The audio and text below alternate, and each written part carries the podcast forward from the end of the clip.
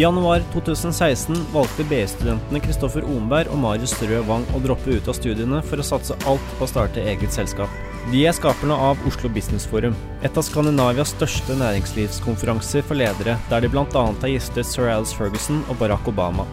De står også bak Norges største teknologipodkast og har vokst til 13 fulltidsansatte. I dagens episode tar Kristoffer oss med bak kulissene og deler åpent om både utfordringer og muligheter de har møtt på veien, samt målet om å bli verdens mest foretrukne næringslivskonferanse.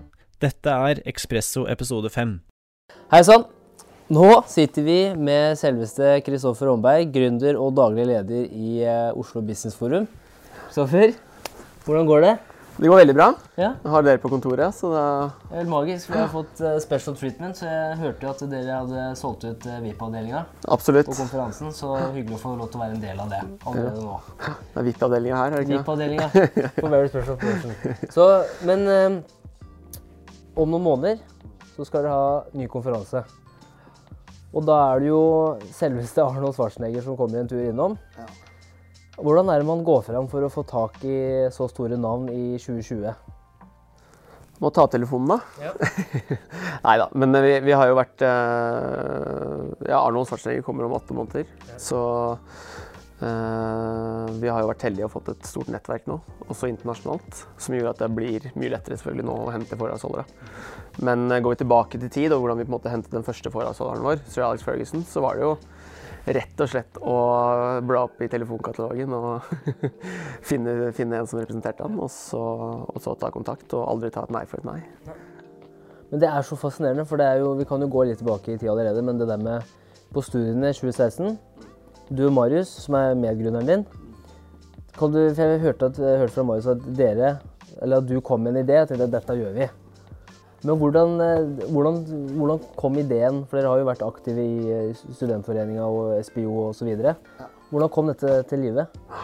Vi var eh, to unge studenter i Studentforeningen. Så startet vel med at jeg var foredragsansvarlig for det som kaltes Næringslivsdagene på BI. Det er en stor studentkonferanse på BI. Og da hadde vi en ambisjon om å hente inn en stor internasjonal foredragsholder dit. Og da, det var 2014. Og egentlig mislyktes med det. Og da, to år senere, så ble Marius da leder for det som heter Næringslivsdagene 2016. Eh, og da var jeg prosjektansvarlig på BI, og da var det naturlig for meg å engasjere Marius og ta opp igjen de kontaktene jeg hadde opparbeidet meg eh, for å få tak i den internasjonale foredragsholderen. Og så til slutt da så fikk vi tak i sir Alex Ferguson, eh, som fortalte oss at han hadde lyst og tid til å komme til Oslo i løpet av 2016. Og på den tiden så tenkte vi at det var en fantastisk mulighet for oss til å hente han inn som en foredragsholder på Næringslivsdagene. Men da trengte vi økonomisk hjelp. Så tenkte jeg at ok, Næringslivsdagene og Handelshøyskolen BI vi må gjøre et samarbeid sammen. Og så får vi sir Alex Ferguson til BI. Så jeg og Marius vi flyr opp i gangene på BI, opp i sjette etasje. Der sitter ledelsen og presenterer da de planene her til, til BI. Og de syns det er råkult, digger ambisjonene. Men vi skjønner jo egentlig ti minutter ut i det møtet uten at de sier det eksplisitt, at dette her kommer aldri livet til å bli noe av. At man ser det litt, altså. Det her eh, kommer ikke til å skje, da. Og da hadde vi en uke på oss på å gi tilbakemelding om vi kunne hente inn sir Alex Ferguson eller ikke. Så på den uken så valgte vi da å droppe det. Og så samlet vi en halv million kroner hver. Eh, 200 000 kroner tok jeg i egenkapital, som jeg hadde spart opp i leilighet. 100 000 kroner i lån av pappa, 100 000 kroner i lån av mamma, 100 000 kroner i lån av tanta mi. Og så startet vi eget aksjeselskap, og så startet vi. Og på det tidspunktet så hadde vi, vi hadde ingen plan, ingen strategi. Vi hadde ikke engang kommet opp med navnet Oslo Business Forum. Så vi måtte bare sende inn papirene til eh, Altinn. Dagen, da heter vi Walkover. Og så begynte vi å planlegge en næringslivskonferanse rundt sir Alex Ferguson. Jeg husker også tilbake den, den uken da når vi måtte ta det valget veldig fort. Så satte jeg opp et Excel-dokument. Og så satte jeg opp eh, utgiftene, og, eller kost, inntekter og kostnader. Og så satte jeg opp eh, i Excel-dokumentet var det scenario 1, scenario 2 og scenario 3. Uh, og begynner å sette inn, sette inn kostnader. Vi gjør research på hvor mye koster å leie, hvor mye koster liksom, ansatte, hvor mye koster det ditt og datt. Så for å overbevise Marius, da, eh, så, så hadde jeg lagt det Excel-skjemaet. Og så kom jeg med han dagen etter vi hadde vært ledelsen på BI. Og så presenterte jeg alle tallene til han. Og da da ser han på meg og så bare Ja, OK. Scenario tre. Beste scenario. Hva er det som kan skje?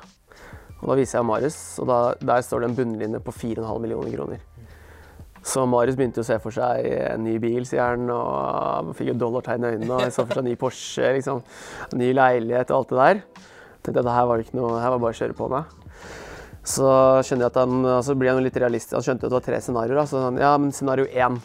Hva er liksom dårligste alternativet? Hva er det som kan skje da? Og da sa jeg det er ikke noe stress med Marius, det her er scenario én. Og der sto det et beskjedent overskudd på 600 000 kroner. Så der kunne det ikke gå annet enn eh, bra. En bra. Ja. Så Marius ble selvfølgelig med. Eh, Det var litt vanskeligere å overtale mor, far og tante, som kanskje hadde litt ikke den naive tankegangen. Men, men de skjønte jo at dette her var noe vi virkelig ønsket og brant for. Og for å si det sånn, etter første næringslivskonferanse, da, etter at 2016, vårt første driftsår, var over, så har jeg fått høre det så mange ganger av Marius at jeg burde kanskje ha fullført den siviløkonomutdannelsen min. Ja. Fordi første driftsår var mye verre enn 600 000 Ja. kroner i overskudd.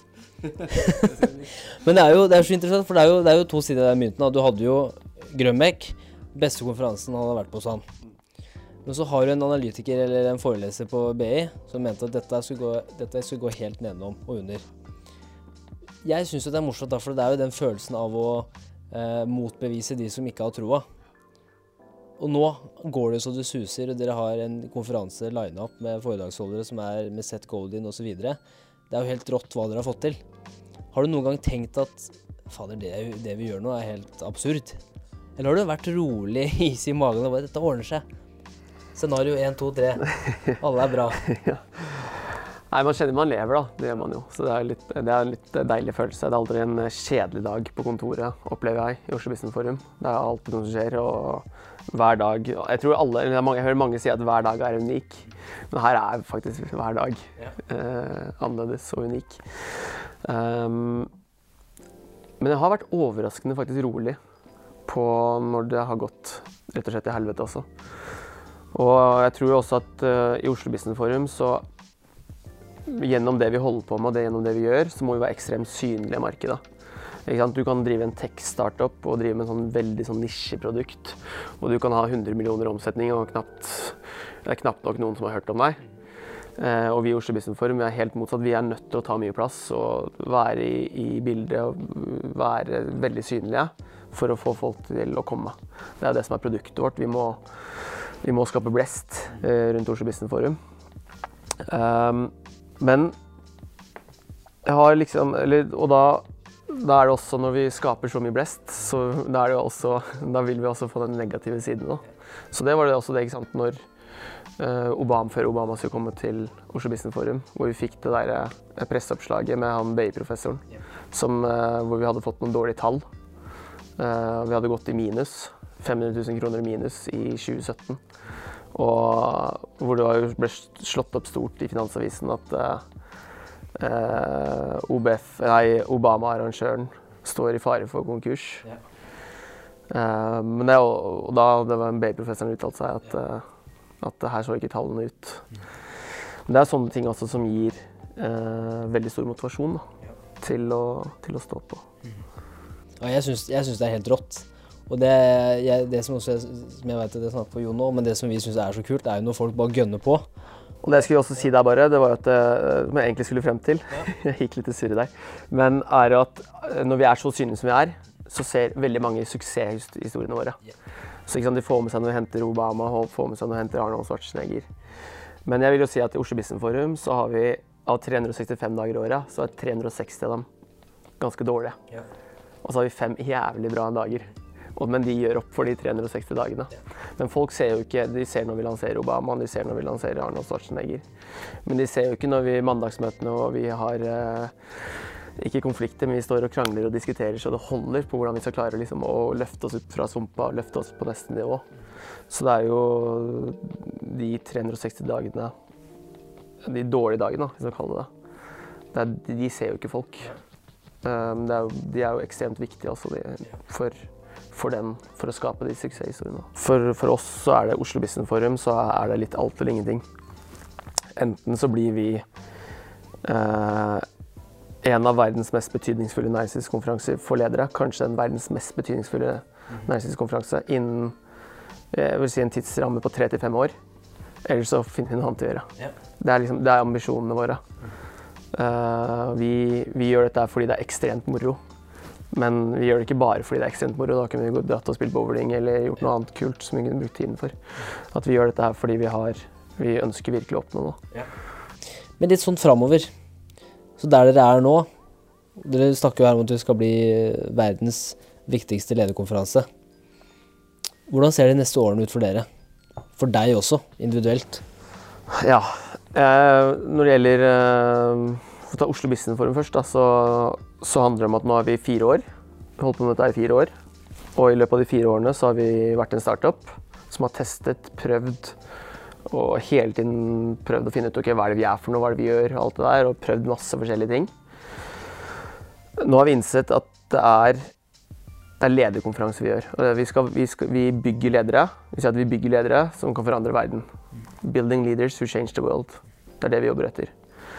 Og måten vi gjør det på, det er å arrangere den beste næringslivskonferansen i året for ledere. Det er én gang i året. Ja.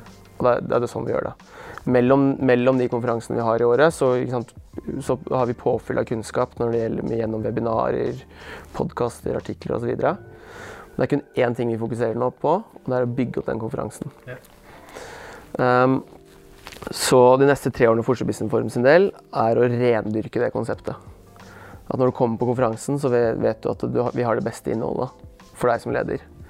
Eh, Du treffer de eh, Du får den beste nettverksmulighetene på konferansen. For du vet at du også treffer de mest relevante menneskene eh, for deg og ditt nettverk på Oslo Business Forum osv. Så, det blir, det blir jo spennende den eskaleringsfasen nå på konferansen. Eh, og så for meg personlig så, så handler det veldig mye å utvikle meg som gründer og som leder. Nå har jeg, nå har jeg testet meg veldig som, en, som en gründer, da, den første fasen. Og vi har hatt gått fra å være to til å bli 15 ansatte. Nå De neste tre årene så kan vi kanskje vokse fra å bli 15 til kanskje 30-40 ansatte. Og da blir det en helt annen rolle for meg også. Det merker jeg også når vi har blitt 15 kontra vi var 4-5. At når du er 4-5, så er du mer en gründer. Hands on på alt. Liksom, du bare Én ting du ser frem til, er liksom bare kjøre på. Ja. Når du er 15 personer, så det stilles det helt andre krav til ledelse, eh, organisering, den type ting. Som gjør at det blir helt andre utfordringer for meg. Eh, det er ikke sikkert at det er jeg som kommer til å være daglig leder heller om la oss si fem år i Oslo Business Forum. Eh, men det, er, det tror jeg at jeg kommer til å finne veldig fort ut av nå. Ja. De neste tre årene i hvert fall. Hvis vi klarer å vokse fra eksempelvis 15 til 30 ansatte. Ja.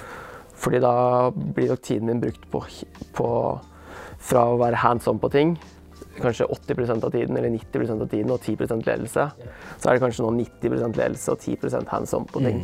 Hvis vi blir 30-40 ansatte. Ja. Hvordan vil du beskrive deg selv som, som leder? Er du, for det også som vi har lest om også, er jo at gründere, når de kommer litt lenger inn i den der livssyklusen, så har de litt vanskeligheter med å legge fra seg alt som skjer. Hvor- Er, har, du, har du den utfordringa? Absolutt. Ja. Så definitivt. Jeg har to store svakheter som leder. En er at jeg er utrolig utålmodig. Og jeg har hørt at liksom folk sier at ok, utålmodig det kan snu ut til å være noe positivt. bla bla bla.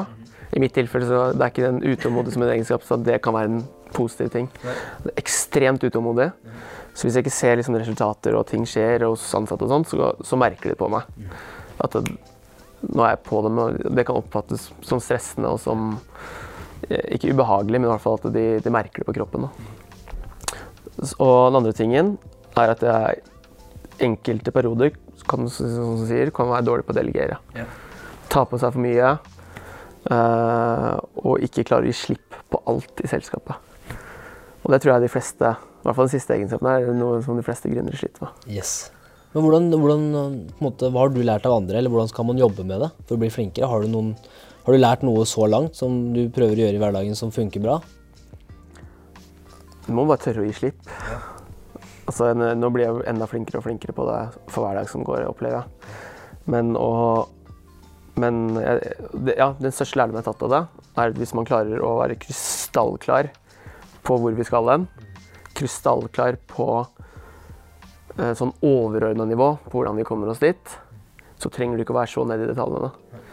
Fordi hvis du er så tydelig på, det, på hvor du skal hen, og hvordan vi skal Og i hvert fall sånn overordnet nå, hvordan vi skal gjøre for å oppnå, komme dit, så klarer de aller, aller fleste å ta gode beslutninger på siden de vet hvor vi skal hen.